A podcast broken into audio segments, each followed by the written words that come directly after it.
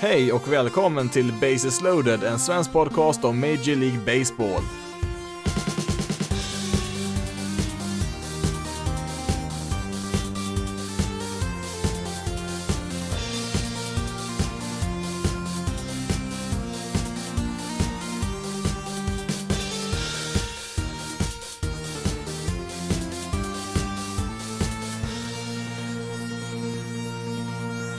Hej och välkommen till veckans avsnitt av Bases loaded, en svensk podcast om Major League Baseball. Och i detta avsnitt så är det såklart slutspelet vi kommer prata om. Det är klart nu vilka 16 lag som kommer göra upp om årets titel. Eh, slutspelet börjar ju då på tisdag den 29 september, det är väl förmodligen då de flesta utav er lyssnar på det här, spelar in här på måndag kväll, eh, det här avsnittet. Eh, Eh, men innan vi tar oss till slutspelet vill jag bara nämna lite snabbt där om eh, vad som hände under söndagen här, eh, då de sista spe matcherna spelades i grundspelet. Det var ju ganska dramatiskt där på National League-sidan, där fyra lag faktiskt spelade om, om en slutspelsplats, alltså fyra lag som antingen kunde missa eller gå till slutspel då, beroende på resultaten där under söndagen. Det var då Brewers, Cardinals, Giants och Phillies då som alla fyra hade chansen att ta en av de här två platserna som fanns kvar.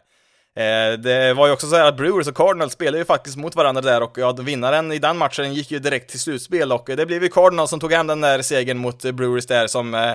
Ja, det gjorde det nog ganska nervöst där för Brewers som fick snegla ganska mycket mot resultattavlan där för att det hade ju räckt med att antingen Giants eller Phillies hade vunnit sin eh, match på söndagen där så hade de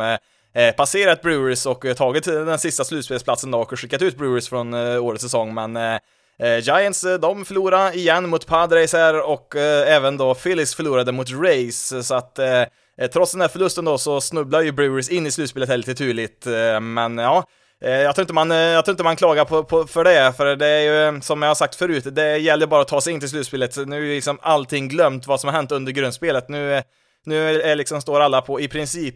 samma förutsättningar här. Det är väl någon fördel för dem som är sidade lite högre då såklart, men det är det är en ganska minimal, eh, ganska minimal eh, fördel de har det, så att eh,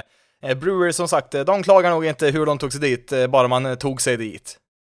Kollar vi på hur de presterar, de här tre lagen, Brewers, Giants och Phillies då på slutet där så Ja, jag vet inte riktigt om man kan säga att någon av dem förtjänar att ta sig till slutspel här som det såg ut där på slutet, för Brewers vann väl bara tre av sina åtta sista där Eh, Eh, sen var det ju Giants då, de förlorade ju tre i rad där mot Padres eh, som redan var klara att eh, ta andra platsen där i divisionen. Det är, eh, Ja, det får man också skylla sig själv lite grann såklart där och eh, framförallt då Phillies, de hade bara behövt vinna två utav sina åtta sista matcher. Det är ju inte speciellt mycket begärt, men de vann Ja, de vann bara en utav sina åtta sista där, så att de missar ju då också med en match marginal där, alltså både Giants och Phillies är ju då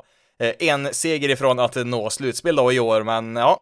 Eh, nu är det ju slutspelat då för i år för båda de där två lagen då. Det, det, var ju två lag som hade ganska olika mm, förväntningar på sig inför säsongen. Eh, Giants var det väl ingen som trodde på direkt, eh, men de har haft en väldigt, väldigt bra säsong. De ska vara nöjda. Ja, det är klart det är tungt just nu då när man är så nära slutspel då, men man ska ändå vara nöjd över vad man presterat i år. Det, ja, det är klart det är tungt just nu, men får man lite distans på det här som en Giants-supporter så ska man ju som, som sagt vara ganska nöjd med hur säsongen såg ut i år. Eh, Phillies däremot, eh, ja det pratade ju en del om i förra avsnittet där, alltså vad håller de på med där egentligen? Det, alltså de utökar slutspelet till åtta lag per liga och eh, alltså Phillies kan fortfarande inte ta sig dit. Det, ja, det får inte hända och man hade ju dessutom då Aaron Nola, deras ace, som kastade sista matchen på söndag mot Rays och eh, Nej, han eh, kastar ju inte bra där heller. Han har varit ganska dålig faktiskt i september här. Det har varit en, ja, det har varit lite av en trend för Aaron Nola tyvärr, att han har varit ganska ja, rätt dålig faktiskt i just september månad eh, under tidigare säsonger också. Jag vet inte riktigt vad det kan bero på. Nu, nu var ju för sig den här säsongen lite annorlunda då med tanke på att september var i princip eh, eh, halva säsongen, men ja, det har inte sett jättebra ut den här månaden heller som sagt för honom. Och det var ju nu man behövde någon som mest här, nu ska vi inte lägga allt eh, på Nola här, han har varit eh, över hela säsongen så har han ju såklart varit bra, det är mycket annat som har ställt till det för Phillies i år, men eh, nu, man behövde honom som mest här då i söndag, så nej, då höll han inte för trycket där riktigt, tyvärr då för Phillies del, så eh, ja, jag nämnde ju förra avsnittet, man måste ju nästan sparka ut deras general manager, Matt Klantak där i Phillies. Nej, det har inte sett bra ut sen de bestämde sig för att göra sin rebuild för en massa år sedan. Det har inte riktigt gått åt rätt håll här. Det är många andra lag som har gjort sin rebuild ungefär samtidigt. Eh, Eh, alltså titta i samma division där på Braves, eh, de börjar ju också bygga om där ungefär samtidigt som eh, Phillies och Braves är ju i slutspel för tredje året i rad medan Phillies då för tillfället har ja, den näst längsta slutspelstorkan i hela MLB. Det är nio år sedan de var i slutspel nu. Det har gått alldeles för lång tid där för dem. Och, eh, Eh, ja, eh, nu vill jag inte fastna på Phil som jag gjorde i förra avsnittet där igen då, men eh, det, nej, det, det, man måste börja från nytt här tror jag, till viss del i alla fall. Nu tappar man ju också JT Real Mute och blir free agent här nu efter den här säsongen också, så det tappar man ju en av sina bästa spelare, så Alltså det har varit ett fiasko för Phillies, inte bara i år, alltså de senaste 5-6 åren, hela deras eh, satsning här har ju gått helt fel. Det är ju nu de ska vara som bäst här och ändå lyckas de inte gå till slutspel när, ja, mer än halva ligan går till slutspel, inte ens då lyckas de ta sig dit, så nej, eh, gör om, gör rätt i Philadelphia får vi säga. Ett lag som faktiskt har gjort eh, lite förändringar i sin ledning, eh, det är ju Los Angeles Angels som meddelade det här precis när säsongen tog slut att de har sparkat sin general manager Billy Epler som har jobbat där de senaste fem åren. Ja, det, det är väl ett fiasko där också såklart. Man har världens bästa baseballspelare i Mike Trout och man är inte ens i närheten av att nå slutspelet någon gång egentligen. Eh, under hans fem år där då så har de inte haft mer än 80 vinster någon säsong, alltså de har inte varit över 500 en enda gång sedan han tog över där. Eh, eh, han har ju i och för sig då byggt en rätt bra offensiv maskin där, så du har ju Trout de fick in Otani som eh, Ja, vi får väl se vart hans karriär tar vägen såklart där, men eh, han fick in Rendon här nu under vintern och han har gjort en del bra eh, värvningar och bytesaffärer när det gäller position players. Där har han absolut fått till det ganska bra, men det är ju deras pitching som är under all kritik. Har ju inte fått till det någon gång där under alla de där åren som han varit där och ja, det kan väl spåra längre bak än eh, hans tid i laget också såklart, men eh, Ja, det var väl lite dags för en förändring här också. De har ju inte varit i slutspel sedan 2012, alltså Trouts rookie-säsong, och där åkte man väl ut direkt där i första omgången där och förlorade väl tre raka matcher om jag inte minns helt fel där, så Eh, vi får se vad man kan eh, plocka in här. Jag har sett ett rykte där att de kanske vill plocka in Dave Dembrowski som eh, Ja, slutspelslag, det är han ju duktig på att bygga upp. Sen är väl han kanske den som är mer, eh, tar över, ja, lite mer etablerade lag som har kommit längre på vägen. Han är väl kanske inte den som eh, eh man lämnar över ett lag i en rebuild till direkt så, utan eh, eh han, han tog över Red Sox där, var det 2015 eller 16 där och gjorde väl de sista ja, de sista affärerna där för att få ihop det lag som vann en World Series-titel 2018 där. Sen fick han sparken mindre än ett år efter det då, men ja, Eh, Eh, han var ju många år i Tigers också där, i deras framgångsrika lag där från mitten av 2000-talet där, så hade de ju ett lag som eh, väldigt ofta var i slutspel där, liksom en tioårsperiod där, så eh, det, det, är väl ett, ett, intressant namn där såklart. Han har ju gjort det förut så att säga och han har, ja, han har väl haft framgångar till och med bak på 90-talet också så att det, ja, det är ett alternativ där i alla fall, men ja, jag, jag tycker väl ändå det känns väl spontant lite positivt där för att någonting måste ju förändras där i Angels så att de alltså kan få in Trout i slutspelet någon gång.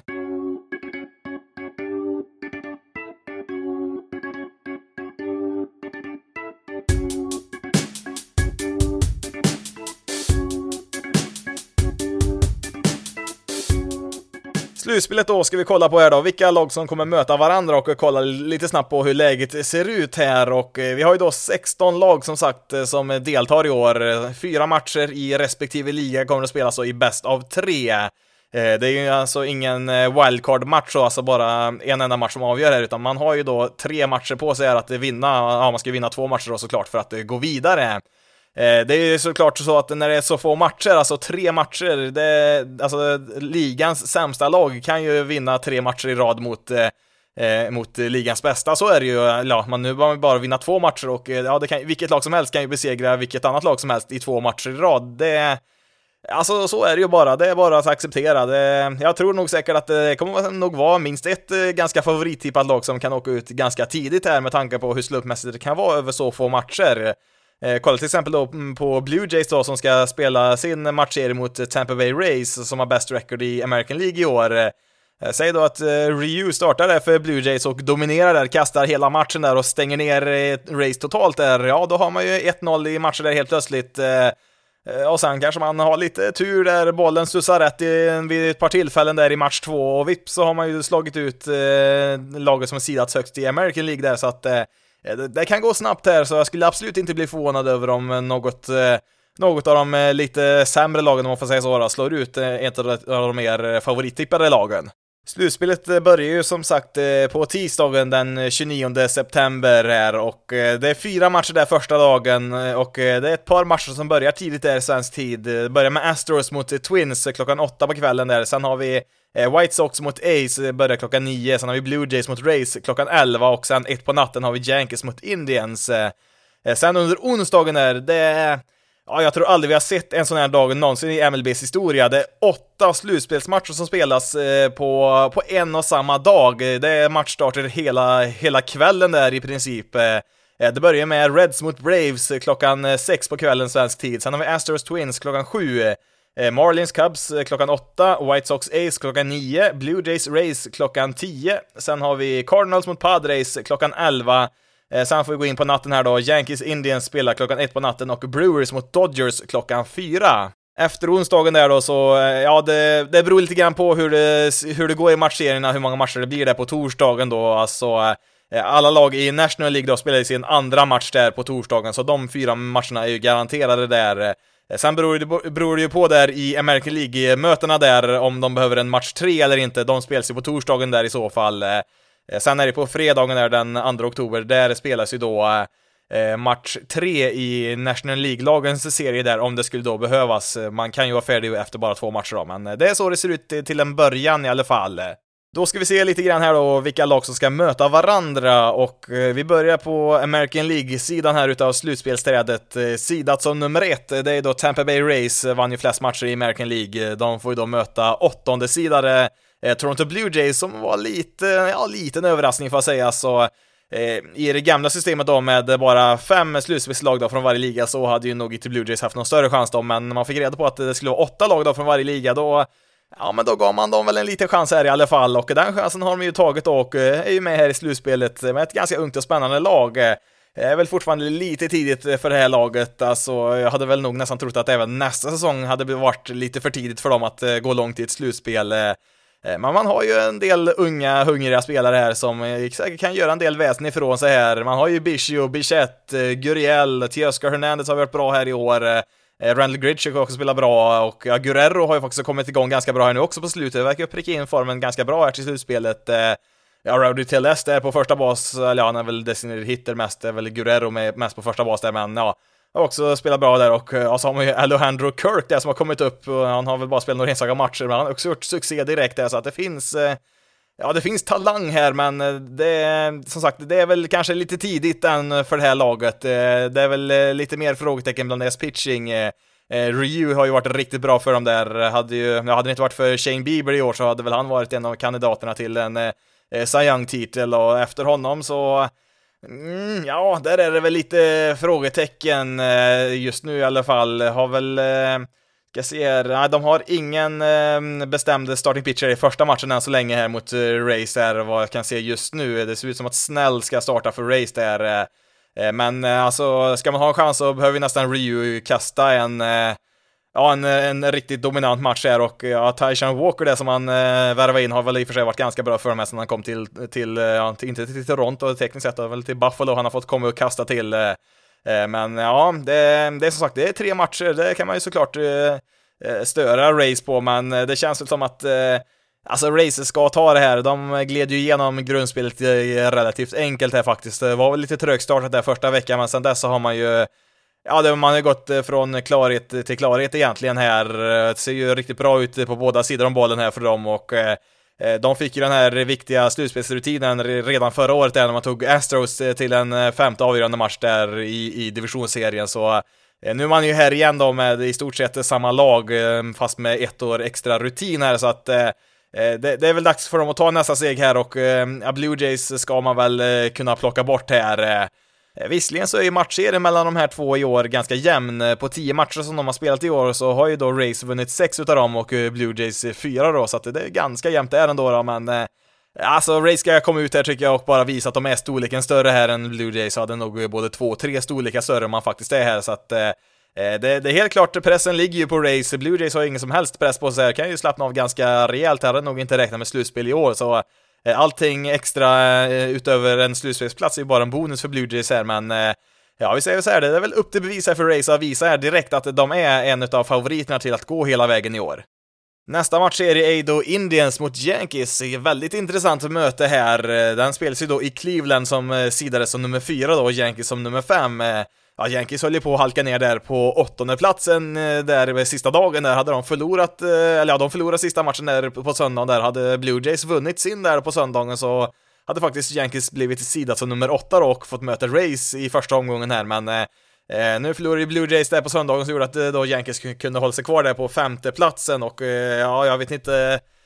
Ja, jag vet inte om det är så mycket bättre. Visst, nu hade ju Yankees väldigt stora problem mot Rays i år i den serien där, men Cleveland Indians rotation. Hm, Ja, den, eh, ja, den vill nog inget lag möta just nu. Det är, mm, ja, det är ett väldigt hopplöst offensivt lag man möter där då i Cleveland. De har varit riktigt, riktigt dåliga där framåt, men eh,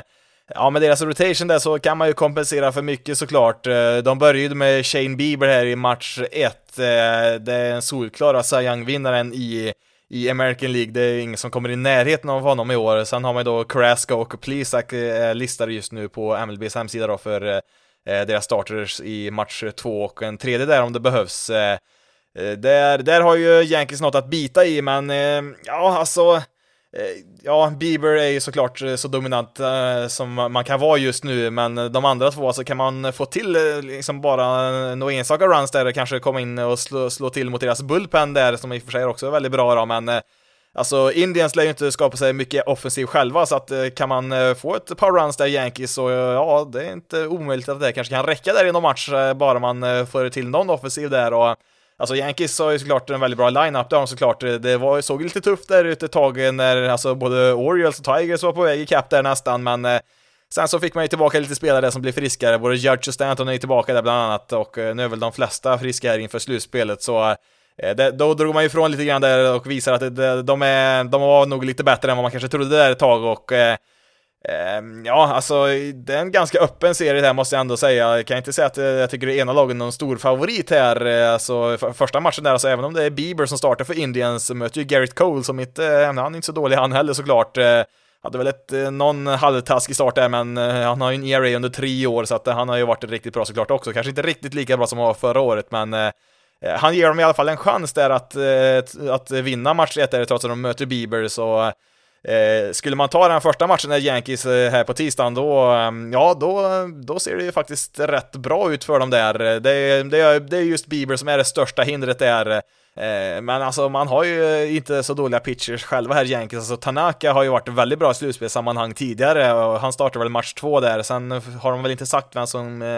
startar en eventuell match tre där. Jay Happ har ju faktiskt varit riktigt bra här mot slutet också, så eh, det är inte det att man saknar pitching i, i Yankees, i alla fall inte i en trematcherserie. Där, eh, där kan man nog eh, konkurrera ganska bra med de flesta lagen. Sen är det såklart att Indians är bättre, det är de absolut, men jag, jag, tror faktiskt på Yankees i den här serien, det, det, tror jag faktiskt. Alltså Indians har egentligen bara en enda riktigt bra offensiv spelare, Jose Ramirez. Han, ja visst, han har ju varit på MVP-nivå, har det ju pratats eh, om honom i år, så alltså att han kan vinna den i år i American League, eh, men eh, efter honom så finns det ju liksom ingenting i princip, alltså det är väl ett par stycken som är strax över genomsnittet då offensivt, men det, det räcker ju liksom inte. Lindor har ju inte han har inte varit i närheten av den spelaren som han, ja, som han kan vara och ja, det är liksom, ja, det är Franville Reyes har väl slått lite homeruns och sen har vi Cesar Hernandez som har spelat okej, okay, men Ja, det, det är för klent eh, på den sidan där, så jag, jag tror faktiskt eh, mer på Yankees i den här serien, men eh, som jag sa, jag tror inte att det är något av de här två lagen som är en jättestor favorit över den andra, så att eh, jag skulle nog inte bli speciellt förvånad vilket lag det blir som går vidare från den här serien. Nästa matchserie spelas mellan Twins som sida som nummer tre mot Astros som är nummer sex här och eh, det innebär ju då att alla matcher spelas eh, hemma hos eh, Minnesota Twins. Eh. Eh, det är väl klart att det är väl Twins som är favoriten här i serien, eh, men man ska ju såklart inte räkna bort Astros, det finns ju mycket talang på deras roster där, även om de har eh, underpresterat lite grann i år, eller ganska mycket faktiskt. Kan väl inte direkt påstå att Twins har imponerat sig jättemycket i år. Nu, i och för sig då, nu vinner man ju divisionen, det, det är väl klart positivt, men Eh, man är ju inte i närheten av det, säsongen eh, 2019 där, visst nu var det en historisk säsong man hade förra året där i Twins, så att det, det var kanske inte eh, kunde räkna med att det skulle gå riktigt lika bra i år, men ja, i alla fall, man är i slutspel nu, det, det är som sagt det som är viktigast här, och jag tyckte väl, alltså spontant, när jag hörde den här att de här två lagen skulle mötas så tänkte jag att ja, men det här borde väl vara fördel Twins här, men det är närmare än vad man, man, man kan tro faktiskt, även om Twins har ett mycket bättre record så Eh, alltså, eh, Astros, eh, det var ju en del problem med deras pitching i början av säsongen, men lite i skymundan här så har man ju faktiskt pitchat rätt bra, i alla fall bättre än vad det var där till en början. Deras rotation har ju sett bättre och bättre ut här, man har fått in Jose Urquidy har kommit tillbaka här och startat lite matcher. Christian Javier har kastat ganska bra där, ganska nytt ansikte och ja, Framer Valdez har ju varit riktigt bra här, har ju halverat eh, antalet walks här sedan eh, tidigare i karriären och eh, det har ju förbättrat hans resultat ganska rejält så ja, det är väl deras bullpen där såklart. Där är Ja, det är en del rookies där kan vi säga som inte har kanske rutinen för att eh, kunna klara av trycket där på högsta nivån då när det gäller som mest i slutspel. Det återstår väl att se såklart. Eh, men om vi kollar på eh, matchupen här när det gäller pitcherduellerna då, så har man ju först då från Twins sida Kenta Maeda mot eh, Zach Greinke två före detta Dodgers pitchers som ställs mot varandra här. Nu var de väl, tror jag inte i samma, ja de var väl aldrig tillsammans i Dodgers, jag tror Greinke lämnade väl där första året som Maeda var där, men ja i alla fall en bra, en bra starter för båda lagen här. Greinke har ju hur mycket rutin som helst i alla möjliga sammanhang. Nu har ju däremot Maeda faktiskt varit en bättre pitcher utav dem i år. Eh, det är väl, eh, ja, lite samma sak som med Ryu när det gäller Maeda. Hade det inte varit för Bieber så hade ju Maeda varit en utav eh, eh kandidaterna där, han får väl slåss om andra platsen där istället nu när man har Shane Bieber där i samma liga. Men i alla fall då, Maeda som sagt då, han Alltså han fick väl aldrig riktigt chansen i Dodgers i deras rotation, alltså han var ju en starter ibland och sen fick han hoppa in i deras bullpen och hoppa lite fram och tillbaka och det gjorde han ju ganska bra såklart men Eh, nu när han fått chansen här att eh, starta hela säsongen så har han spelat riktigt, riktigt bra. Han har varit deras absolut bästa nyförvärv där i, i Twins. Eh, Donaldson är ju också ett nyförvärv där som man hade stora förväntningar på, men han har ju inte varit i närheten av att vara lika viktig som Maeda har varit där för, för Twins, så att det är väl en liten fördel, alltså om vi kollar på prestationen i år så är det ju en fördel för, för Twins där i match 1, men samtidigt så har väl, ja, jag ska ju inte räkna bort Greinke som sagt i en sån här match, det ska jag absolut inte göra. Eh, sen är det ju så här att eh, Twins har faktiskt namngett vilka tre starting pitchers de har tänkt att använda i den här matchserien. Det har inte Astros. Ja, de har nämnt eh, Greinke där i match 1, men eh, eh match 2 och 3 har inte Astros någon eh, klar pitcher i nuläget då när jag spelar in här på måndag kväll. Eh, eh Twins har lagt ut, i match 2 har man då Jose Berrios där och i match 3 har man Michael Pineda. Det är, ja alltså, Maeda är ju deras ace just nu, Berrios och Eh, och Pineda har ju varit eh, bra i år, de har ju snäppet under det såklart. Jag skulle väl gissa på att Astros får eh, köra ut eh, Frambo Valdez där i match två och Ja, sen får vi se då, match tre där kan, kan du, de ha lite alternativ där, det är väl kanske med Colors där som, som man skulle satsa på mest där faktiskt, han har ju rutinen där, han har ju spelat i, i slutspelssammanhang förut och ja, så eh, kollar vi på rutinen i lagen, alltså när det gäller slutspel, alltså där har ju Astros en fördel eh, på ett sätt egentligen, för de har ju många som varit med Ja, de har många som var med både 2017 och 2019 när de gick till en World Series, så att det är många som har spelat långt in i ett slutspel då, men det är väl som jag nämnde där, deras bullpen, där kan det finnas eh, lite väl mycket orutin då kanske istället. Eh, Eh, kan vi nämna också att eh, Astros, eh, ja deras, ja deras offensiv har ju tappat en, ganska mycket i år. Det är lite misstänksamt med tanke på vad de åkte, åkte fast för här i vintras, att så fort de åker fast för det så har ju, har deras offensiv produktion sjunkit ganska rejält. Det är väl egentligen bara, ja det är George Springer där, han har väl varit ungefär på samma nivå som tidigare idag, men resten där har ju Ja, alltså det är, det är flera av dem där som har varit med de här åren eh, när fusket eh, genomfördes här som har varit eh, bra. Alltså Bregman har spelat bra i år, men inte i närheten av den nivån som han har varit i tidigare. Eh, José Altuve däremot har ju haft en väldigt tuff säsong, har ju varit riktigt dålig faktiskt. Och ja, det, det är som sagt, det är lite misstänksamt att eh, helt plötsligt så funkar det inte här. Sen Eh, Eh, ja, man, eh, man kan ju såklart inte veta eh, till 100% att, det är, att de inte får fuska längre, att det är det som gör att de spelar sämre. Det är, den här säsongen är ju väldigt speciell som den är, så att det kan ju vara många andra faktorer som spelar in där också, men ja, det är väl värt att notera där i alla fall för Astros. Eh, ehm, kollar man på Twins så, ehm, alltså de är inte, alltså deras offensiv var ju historiskt bra förra året som sagt. Det, att man skulle nå dit igen var väl kanske inte rimligt så, men man har väl spelat Ja men det, det, har varit bra, det, det har ju, man kan inte klaga för mycket såklart. Eh, det, det, det är klart man jämför med vad de gjorde förra året, men man har väl egentligen inte så jättemånga superstjärnor offensivt eh, rent resultatmässigt då. Ja, förutom Nelson Cruz då, han har ju bombat iväg en massa homeruns där då och har en VRC plus på 164, så att han har ju absolut eh, eh, spelat på den där jättehöga nivån då, men efter honom så, alltså det, de flesta ligger den någonstans 100 till 110, 115 i VRC plus där någonstans, alltså Eh, bättre än genomsnittet såklart, några lite högre än så då, men eh, eh, det, mm, ja, jag, jag, kan inte direkt påstå att de är så jättemycket bättre i någon lagdel egentligen jämfört med Astro och så. Det, jag tycker väl ändå att Twins har, har ett bättre lag just nu, det tycker jag, och jag har väl dem som favorit här i serien, men Eh, lite grann då som med Yankees och Indians där så kan jag ju se även i den här serien att båda de här två lagen utan större problem skulle kunna gå vidare från den här serien. Ingen jättestor favorit som sagt. Eh, ja, om man måste sätta den här guldtian på någon så eh, visst, då sätter vi den på Twins. Eh, Twins är väl för övrigt mest nöjda att de inte behöver möta Yankees i slutspelet. Jag tror faktiskt det första slutspelsmatchen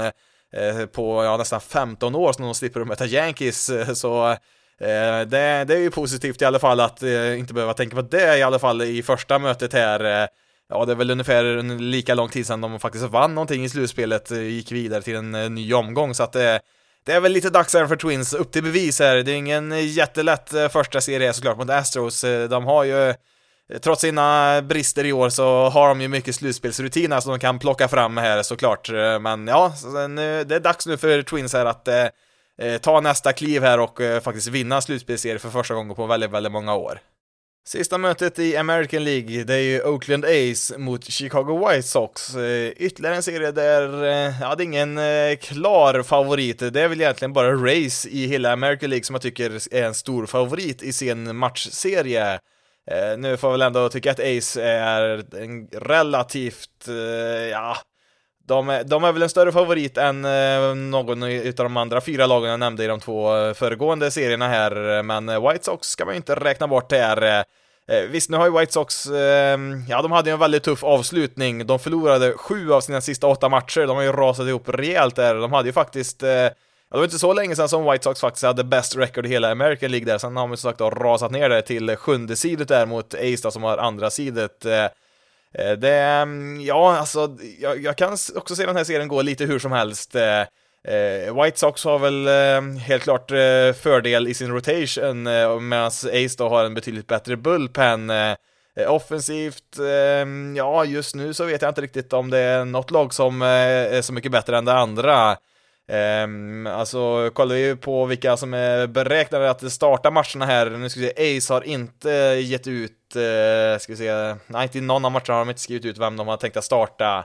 Uh, White Sox eh, startar Giolito i match 1 och uh, Dallas Keuchel i match 2, match 3 har de inte sagt någonting om än där, men uh, ja som sagt, deras rotation där, där är klart en fördel för, um, för White Sox då. Giolito är riktigt bra där, har lyckats en no-hitter i år, men Ja, resultatmässigt, eh, Dallas Keuchel har ju faktiskt en lägre ERA, han har faktiskt en ERA under två i år, lite oväntat där. Eh, han hade väl också kunnat varit en eh, kandidat där om det inte vore för Bieber såklart då. Eh, men han bidrar ju då med eh, den här slutspelsrutinen då, han har varit i flera gånger med i oktober då med Astros eh, sen tidigare. Eh, Ace rotation då, där är det väl egentligen bara två stycken som jag tycker har spelat på en okej okay nivå. Chris Bassett har kastat riktigt bra där, lite oväntat. Eh, ERA på 2,29. Sen är det ju Jesus Luzard och kastar rätt bra. Sen de andra där har ju inte Ja, de har inte varit eh, på den nivå som man hade hoppats på där. Man har ju Sean Menai, eh, Mike Miner, Mike Fires och Frankie Montas. Man har ju sex stycken eh, ja, kapabla starting pitchers får man ju säga då, men det är egentligen bara då Bassett och Luzardo som har kastat bra i år och eh, går vi på resultat så är det ju just Bassett och Luzardo som ska starta någon, eh, ja, de ska starta varsin match då om vi kollar bara på resultaten då, men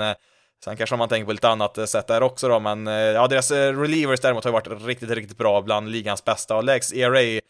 har ju Ace Bullpen i MLB i år. Jag tror de har fem stycken relievers som har en ERA under tre och fler av dem har en ERA under två också, så det finns en del att kompensera med det såklart också. rent offensivt då så, alltså kollar vi på hela säsongen så är ju helt klart White Sox har varit mycket bättre idag om vi kollar på deras spelare, men Eh, drar vi ner och kollar bara på vad de presterat i september månad så är ungefär, eh, alltså de är ungefär lika bra Ace och White Sox offensivt då i september månad så att eh, White Sox trend har ju pekat helt klart neråt här ju närmare vi kommit slutspelet så där är det väl en fördel för, för Ace då som eh, Ja, alltså jag tycker inte de har imponerat jättemycket heller. De har spelat bra i år, stabilt så, det har de ju. De har ju haft första platsen här i divisionen ganska ohotat eh, från början, så Eh, ja, de har helt klart spelat bra som sagt, eh, men eh, man saknar ju Matt Chapman där på tredje bas. Han eh, opererar ju så här ganska nyligen, så han kommer inte kunna spela något mer i år. Det är ju ett, eh, ett stort tapp såklart och Tommy Lestella värvar man in från Angels där, han har ju faktiskt varit rätt bra för dem där, så att han kompenserar väl lite grann där i alla fall, men eh, jag, jag, säger väl ändå att Ace får vara favoriten här. Det, det, är väl, ja, det kanske är ett år för tidigt även för White Sox i år, som inte har varit i slutspelet på väldigt många år. Ace har väl Ja, de har väl en del spelare som har spelat en eller två wildcard-matcher. Det, det, är väl någonting, det är inte så att det kryllar med eh, slutspelsrutin i Ace heller på något sätt, så, det, så är det ju inte, men eh, ja, eh, måste jag satsa guldtian så får den gå till Oakland Ace.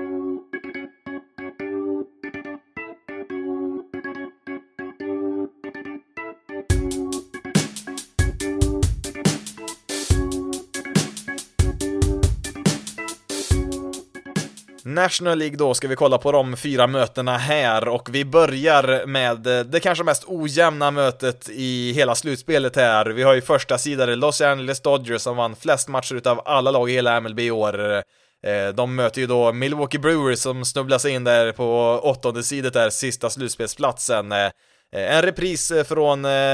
Championship Series där i National League för två år sedan där när de här två mötte varandra. Gick ju till match 7 där Eh, innan Dodgers då gick eh, segrande. Men eh, nu är det Visst, Dodgers var väl en stora favoriter även för två år sedan där, men nu är de väl dubbelt så stora favoriter i det här mötet, får jag nog säga. Det, det är en kort serie såklart, det är det ju, men ja, Brewers i år och för två år sedan, det, det är lite skillnad. Jelic var ju en MVP det året, i år har han ju underpresterat ganska rejält. Eh, det, ja, det finns inte mycket, mycket offensivt att nämna där i det laget överhuvudtaget där i Brewers. Eh, eh, det är väl mest deras pitching det som har räddat dem och ja, de är väl som vanligt duktiga på att använda sin bullpen och sådär men Ja, nu möter man ju en gigant här, Dodgers, som är, de har väl det mest kompletta laget i hela MLB, men ja, det såg vi förra året, det, är ingen garanti för att eh, man går hela vägen. De åkte ut i första omgången, de spelade ju förra året, så Eh, som sagt, tre matcher kan hända mycket på, men eh, nu har man ju dessutom då lagt till Mookie Betts på allt det här också, så eh, det, det, det, det blir uppförsbacke för Brewers såklart, och de ska nog mest vara nöjda att de ens är med i slutspelet som deras säsong, säsong såg ut. Eh, ehm, alltså om vi kollar på Dodgers lineup här, alltså de har ju spelare som har underpresterat, eh, det har de ju, alltså Max Muncy har ju inte direkt spelat jättebra med tanke på ja, hur bra han brukar spela. Eh, Cody Bellinger, ja han har i och för sig då, han har väl kommit igång ganska bra här nu, alltså kollar vi på hans eh, siffror för hela säsongen så eh, har han ju lyft dem ganska bra här nu på slutet, har ju en VRC plus på 114 som, eh, ja det är ju lägre än vad man, än vad man förväntar sig för honom såklart, men eh, med tanke på hur dålig han var inledningsvis där så eh, pekar det på att hans formkurva går ju rejält mycket uppåt här mot slutet, så det är ju såklart positivt inför slutspelet. Eh, kollar vi på vad man har planerat eh, för eh, vilka pitchers som ska starta här då för de båda lagen så har Brewers inte satt ut någon än så länge. Dodgers har satt ut för match 1 och 2, de har en Bueller i match 1 och Kershaw i match 2. Sen är det så här att Dodgers har ju faktiskt fem stycken starting pitchers i år med en ERA under 3,5 så att det är bara att välja och vraka där och ja, de som inte får starta får helt enkelt ta en roll i deras bullpen som också varit väldigt, väldigt bra i år. Eh, det har ju varit en av deras svagheter på sistone, att deras eh, bullpen inte riktigt eh, ja, varit på samma nivå som resten av laget där, men det, den lagdelen har varit en av de bästa i hela MLB i år, så att det, det, här kanske är det mest kompletta laget de har satt ihop än så länge och det är väl lite tråkigt om det skulle ta slut här i en sån här kort serie då på tre matcher där verkligen allting kan hända. För Brewers del så, mm, ja det, det ser väl tufft ut att få in Corbin Burns där som varit deras absolut bästa starting pitcher hade han bara fått starta någon mer match, han var väl skadad där en kort sväng, han, han fick ju bara kasta 47 innings i år, så hade han fått kasta en, en eller två matcher till i år så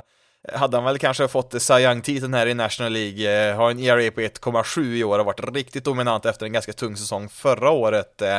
eh, nu blir han dock skadad här i sista starten där i torsdags,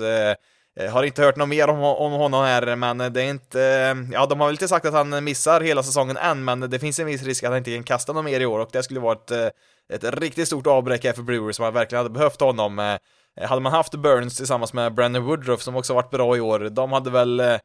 de hade väl kunnat matcha Kershaw och Bueller där i Dodgers hyfsat i alla fall där. Nu är väl Dodgers-duon där lite vassare då, men Eh, Eh, efter de två där så ser det ju inte alls lika bra ut där. Josh Lindblom, Brett Anderson och Adrian Hauser har man bakom där och Brett Anderson gick ju ut skadad här i söndags också. Jag tror han hade väl någon blåsa där på fingern så att eh, eh Nej, det här blir väldigt, väldigt svårt för Brewers i år alltså. det här skulle helt klart vara den största skrällen eh, i årets säsong om Brewers skulle gå vidare här. Det, det, ja, återigen, det är tre matcher det har att göra om, eller ja, bäst av tre matcher. Det kan hända mycket på, på så få matcher såklart, men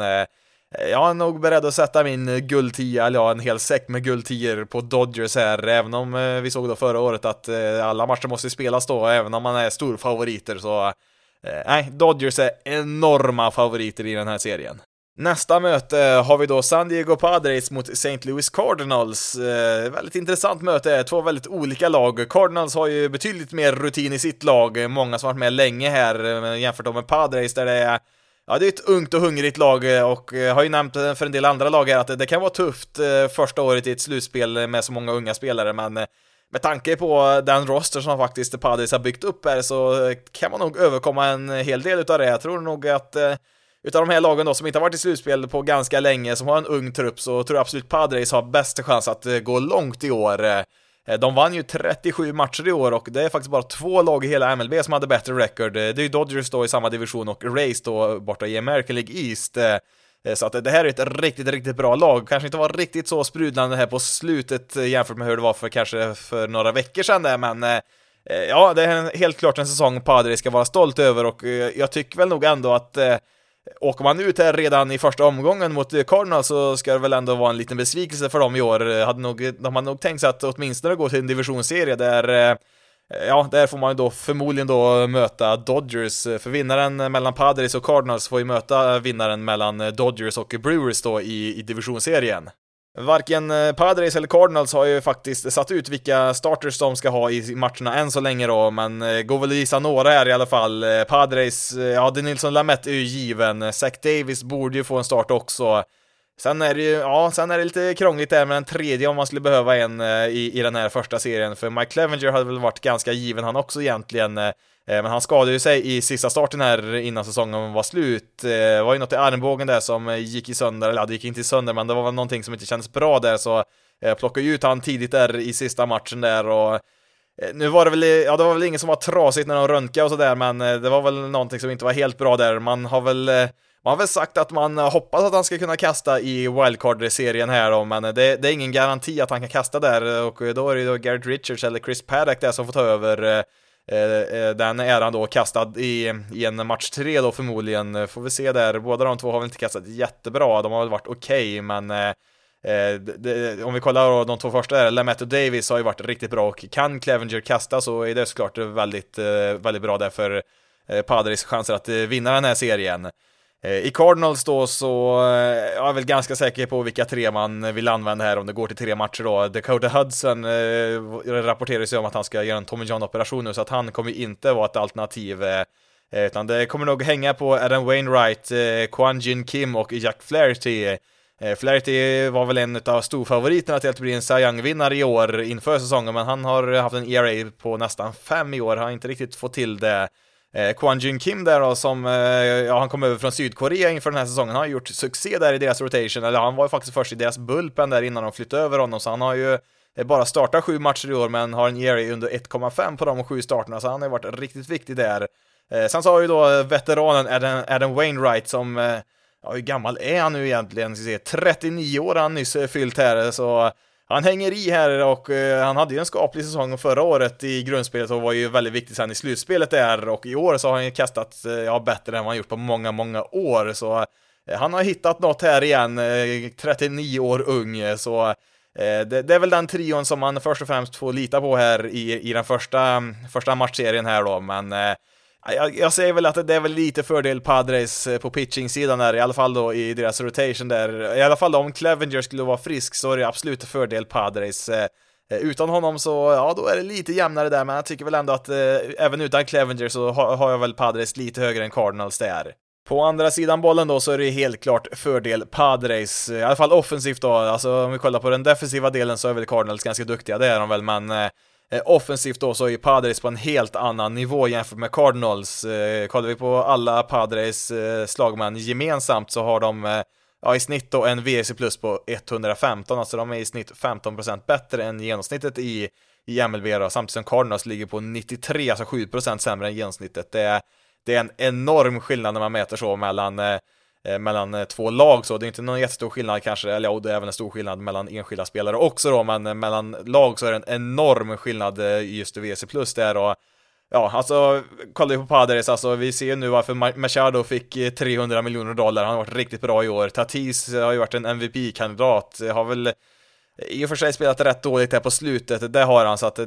det är väl möjligt att han tappar den eh, titeln där. Han var ju ganska självklar där efter halva säsongen där, så var det väl ingen som kunde hota honom där i MVP-diskussionerna, men eh, jag har ju gått tyngre här på slutet, men eh, ja, vi vet ju vad han kan där och Ja, Trank Grisham har ju varit en fantastisk värvning där till deras outfield och Will Myers har ju återvänt från de döda här nästan i princip. Eh, eh, hade ju ett stort kontrakt där som ingen ville trada till sig, de har ju försökt trada bort honom i flera år där, men han tjänade för mycket pengar där för att någon skulle ta honom. Eh, men ja, nu i år då så har han varit en av deras bästa spelare helt plötsligt. Eh, så har de ju Jake Cronenworth där som eh, ja, kom med som en liten extra spelare där i en trade med Race här under vintern och har gått in och blivit Ja, han är väl en solklar vinnare till Årets Rookie där i National League och ja, han kan rabbla upp några fler namn här också. Det är... Ja, nej, offensivt så är inte Cardinals i närheten utav, utav Padres. Det, det är Paul Goldschmidt där i Cardinals, så han har varit riktigt bra. Sen Ja, sen har de bara två andra spelare som har en WC plus över 100, så eh,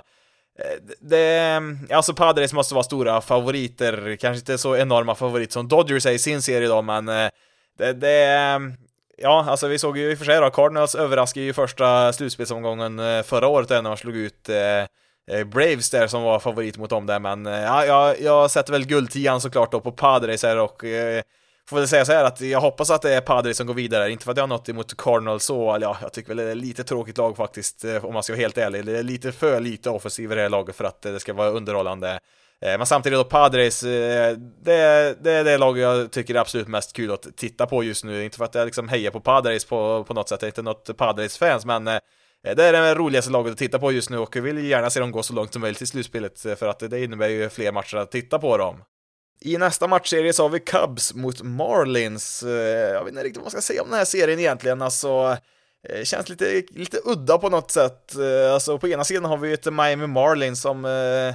spelat över förväntan såklart. Hade nog inte räknat med slutspel även i utökat format här. Sa väl innan säsongen att jag trodde de skulle vara bättre, men inte, inte så här mycket bättre. Jag trodde väl mer att de, de skulle inte ha någon stryk på sig där i National League East. Det, det trodde jag väl inte. De fick ju ändå in liksom eh, några etablerade namn där som liksom höjde kvaliteten på deras rostern och eh, på andra sidan där så har vi då ett Cub som eh,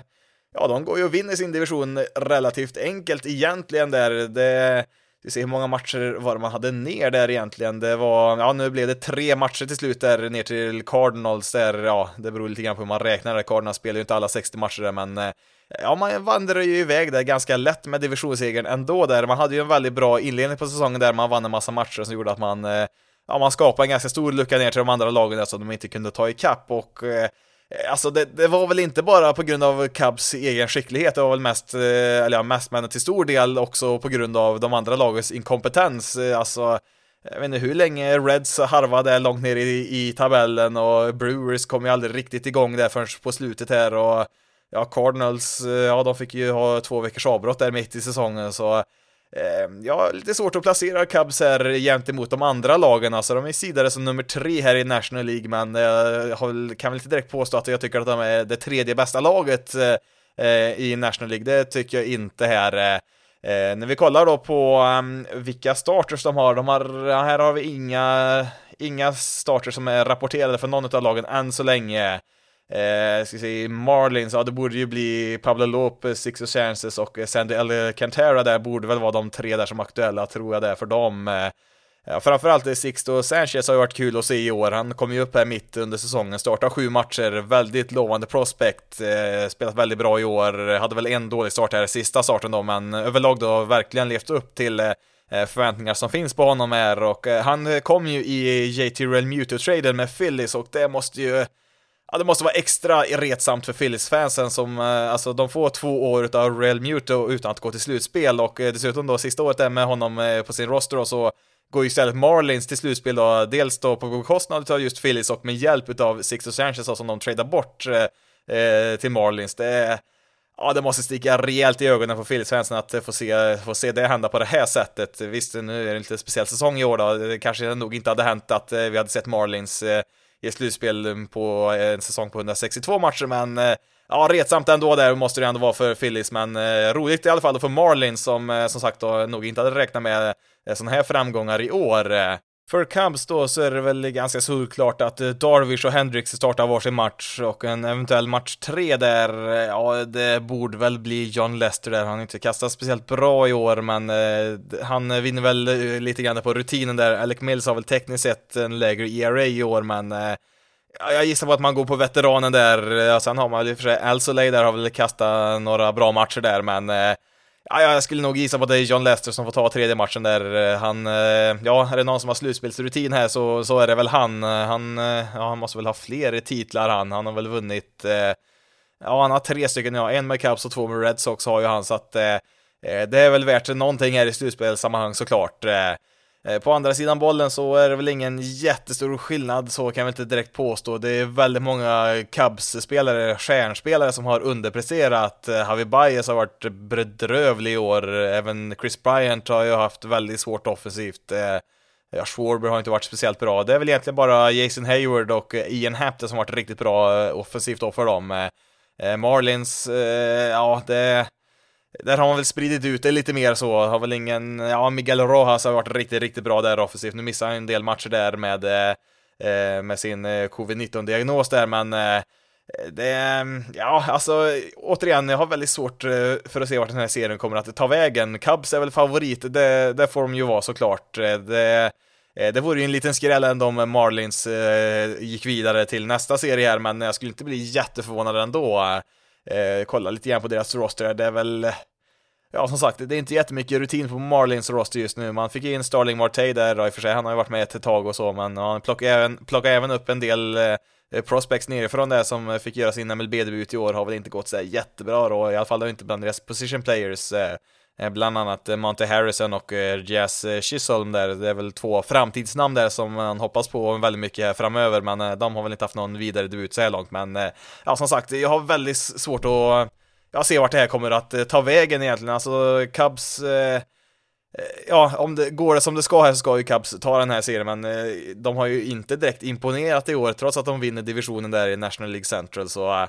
Eh, ja, det blir spännande att se, det, det, kan jag väl eh, säga i alla fall då, men eh, jag skulle nog inte sätta, nej jag skulle nog inte sätta någon guldtia åt något håll i den här serien. I den sista matchserien så hittar vi då Atlanta Braves som en sida som nummer två i National League och de möter då sjunde sidare Cincinnati Reds och jag, jag tror väl nog ändå lite mer på Reds i den här serien faktiskt. Eh, men det kan bli ganska intressant ändå här för att eh, vi har ju väldigt bra pitching från Reds då som eh, stöter på en väldigt duktig offensiv lineup från Braves här då samtidigt som Braves skickar ut en väldigt svag rotation mot en väldigt svag offensiv lineup då i Reds. Så de kompletterar ju varandra på, på det sättet i alla fall då. Så det blir väl intressant att se vilken vem starka sida som, eh, som går längst här då? Är det Braves offensiv som är, kan besegra eh, Reds pitching eller tvärtom? Innan säsongen började så var jag väldigt skeptisk till, eller inte väldigt, men lite skeptisk i alla fall till Braves deras lineup där hade, hade väl en tre eller fyra namn där som jag trodde säkert kunde spela bra, men Ja, deras lineup är ju riktigt farlig från 1 till 7 just nu. De har ju Freeman, Osuna, Acuna, Swanson, Darno, Albis och Duvall ja, nu har väl Albis kanske inte varit jättebra, men han har ju varit skadad, eh, missat halva, halva säsongen då, så eh, det kan ju spela in där också då, men eh, eh ja, Freeman är ju, eh, ja han är ju absolut en MVP-kandidat i National League, det, det, är han ju, och Marcelo Zuna har ju varit fantastiskt bra, kanske årets bästa free agent-värvning då, i ett ettårskontrakt som han fick. Eh, Acuna har ju varit så bra som man kan förvänta sig i år och ja, Dansby Swanson där på shortstopen, eh, han hade ju lite press på sig att prestera i år och eh, det har han ju faktiskt gjort över förväntan helt klart. Samtidigt då så ska de ju försöka ta sig förbi Reds pitching-trio där, de har ju gått ut här nu Reds med att de kommer börja med först Trevor Bauer följt av Luis Castillo och sen Sonny Gray. Det är Alltså det är nyckeln till framgång i den här serien. Kan eh, Braves offensiv bryta igenom eh, Red starting pitching eller tvärtom här? Det är, det är de här två lagdelarna som avgör hur den här serien kommer att eh, gå. Jag tror väl fortfarande att det är, det är lite fördel Reds här för de har väl gått lite bättre på slutet, eller de har gått ganska mycket bättre på slutet. Det såg ju ut som att, bara för två veckor sedan, som att de var i stort sett helt borta där innan de började vinna massa matcher, men Eh, jag har väl mer, mer tilltro på Reds offensiv jämfört med Braves pitching. Eh, kollar vi vad um, Reds har i sin lineup här så, alltså Jesse Winker har varit riktigt bra, han är väl ett av undantagen här. Sen, eh, ja, sen är det några som eh, cirkulerar där någonstans kring genomsnittet då, offensivt då i, i MLB. Det Joey Votto i och för sig då, det är väl ett ganska bra tecken att han har vaknat till liv lite här nu på slutet. Eh, inte på, eh, ja, sina fornstora dagar, så riktigt så bra spelar han ju inte just nu då, men han har ryckt upp sig lite grann där eh, eh inför slutet här då, men eh, ja, eh, det kan väl, alltså innan jag började titta lite mer på siffrorna här så var jag ganska övertygad om att Reds borde ta det rätt lätt, men jag är inte så övertygad ändå. Alltså, alltså eh, Braves har varit ett av de bästa offensiva lagen i hela MLB i år och eh, det, det är väl tur det för deras eh, pitching, eller rättare sagt starting pitching har ju varit hemsk. Alltså deras starting pitchers har en gemensam ERA på 5,5 Eh, det är faktiskt bara två lag som är sämre än, än de i den eh, kategorin. Det är Angels och Tigers. Ja, det, det, det, säger ju en del när man ligger så långt nere där. Eh, till och med Red Sox starting pitchers kastar ju bättre än vad de har gjort, så det, det är helt klart deras största svaghet och eh, mycket beror ju på att Mike Soroka blev skadad tidigt på säsongen och Cole Hamels kom väl tillbaka och kastade någon inning eller två innan han gick eh, eh gick i sönder, så det har varit lite otur såklart också då för Braves här. Det är inte så att man har samma rotation som man hade tänkt när säsongen startade. Eh, men i match 1 så har man i alla fall då Max Fried som tar sig an då Trevor Bauer där i match 1 då mot Reds. Eh, Eh, två utav eh, National Leagues bästa pitchers i år, så att det, det blir ju en pitcherduell där i, i match 1 då, på förhand i alla fall då. Sen Eh, får vi se då vad Braves kan svara med här. Man har ju Ian Anderson där, väldigt lovande prospect som har startat bara sex matcher då på MLB-nivå och visserligen då kastat väldigt bra på de matcherna men han är ju väldigt ung här så att det, det är ingen garanti att han håller när det väl blir slutspel. Eh, bakom honom där så, eh, ja, om det blir en match tre, kanske Cali Wright eh, kanske skulle gissa på skulle få den starten där, har väl inte varit jättebra i år, men det, ja, det finns inte många bra starting pitchers tillgängliga heller för Braves. Deras bullpen däremot har ju varit väldigt bra i år, så att det där ser det väl bättre ut då, men alltså visst, man har ju då Freed som startar där match 1, en Sayang-kandidat, ja, Eh, nu är det väl hans motståndare där, Trevor Bauer i match 1 som förmodligen vinner den titeln, har väl varit lite bättre. Sen är det lite frågetecken bakom där. Ian Anderson som sagt, han har varit bra men eh, har ju väldigt lite rutin på den nivån. Det, det är inte riktigt samma sak att komma in i en slutspelsmatch och kasta, får vi se om han eh, håller för trycket där och sen så är det ju, ja, som sagt, frågetecken bakom där också. Så att det Eh, jag tror väl att eh, Braves har pitching, eh, tillräckligt med pitching för att kunna klara sig i en bäst av tre-serie. Jag har ju sagt att jag inte tror på Braves chanser långsiktigt i det här slutspelet, men visst, i, en bäst av tre mot Reds här så då, då finns det helt klart chansen, det tror jag, men i en bäst av fem och sen i en bäst av sju, där där tror jag det kommer bli för mycket för Braves även om de skulle gå vidare och ja, jag, får väl hålla kvar mitt tips på att sätta guldtian på Redsen då som jag tror Eh, faktiskt har en liten eh, fördel här men eh, det Ja, jag kan se det gå lite åt båda håll eh, som sagt här. Reds har ju inte varit i slutspel på länge så de har ju inte rutinen kanske för det. Braves har ju åkt ut i första omgången i slutspelet två år i rad så att de är verkligen sugna på att faktiskt vinna en slutspelserie för första gången på länge, så att jag tror det kan bli en ganska intressant serie här i slutändan. Då får det räcka här för veckans avsnitt. Eh, grundspelet avklarat, äntligen dags för slutspel. Bästa tiden på året såklart. Eh, tyvärr då bara en månad kvar innan eh, säsongen är helt slut och vi får vänta massa månader innan vi är spring training igen, men eh, Ja, vi får helt enkelt passa på att njuta av det som finns kvar här och eftersom att det expanderat till slutspel så är det ju många matcher extra, framförallt här nu i början så eh, är det ju hur mycket matcher som helst där. Det är fyra matcher på tisdag, sen är det åtta matcher på onsdag där. Eh, Ja, det blir häftigt att se där. Det kommer väl vara en tre, fyra matcher på samtidigt där under stora delar av dagen. Eh, eh, sen då så blir det ju mindre och mindre där ju längre det går, men det, det kommer ändå vara en del matcher som kommer sändas ganska tidigt då med eh, ja, med svensk perspektiv då, med våran tidszon, så första veckan här, eller ja, en och en halv vecka lite drygt där, så bör det ju vara en och annan tidig matcher som man kan kika på där om man inte har möjlighet att titta på de här eh, sena matcherna mitt i nätterna då, om man vill kolla live. Det, som jag sa i ett annat avsnitt här, det, det blir skillnad att titta på det live. Det är inte samma sak att titta på det i efterhand av någon anledning, även om det är samma match och så, så eh, ja, det, det, är väl en, ja, det gäller ju mig personligen såklart. En del kanske har annan synvinkel på det också, men Eh, eh som sagt, eh, en månad kvar med matcher och det är ju bara slutspelsmatcher nu, de bästa matcherna på året, så att passa på och njut nu innan det faktiskt tar slut. Du kan följa Basis Loaded på Twitter, Facebook och Instagram när du letar upp Basis Loaded SE. Du kan även mejla till basisloadedse gmail.com. Du får även väldigt gärna betygsätta och skriva omdömen om den här podcasten i din podcastapp, för det hjälper andra att hitta den här podcasten som inte känner till den sen innan på olika topplistor och sånt där. Men nu har jag pratat tillräckligt för idag. Mitt namn är Jonathan Fabri. Tack så jättemycket för att du har valt att lyssna på detta avsnitt av Basis loaded. Ni får ha det så bra där ute, så hörs vi i nästa avsnitt.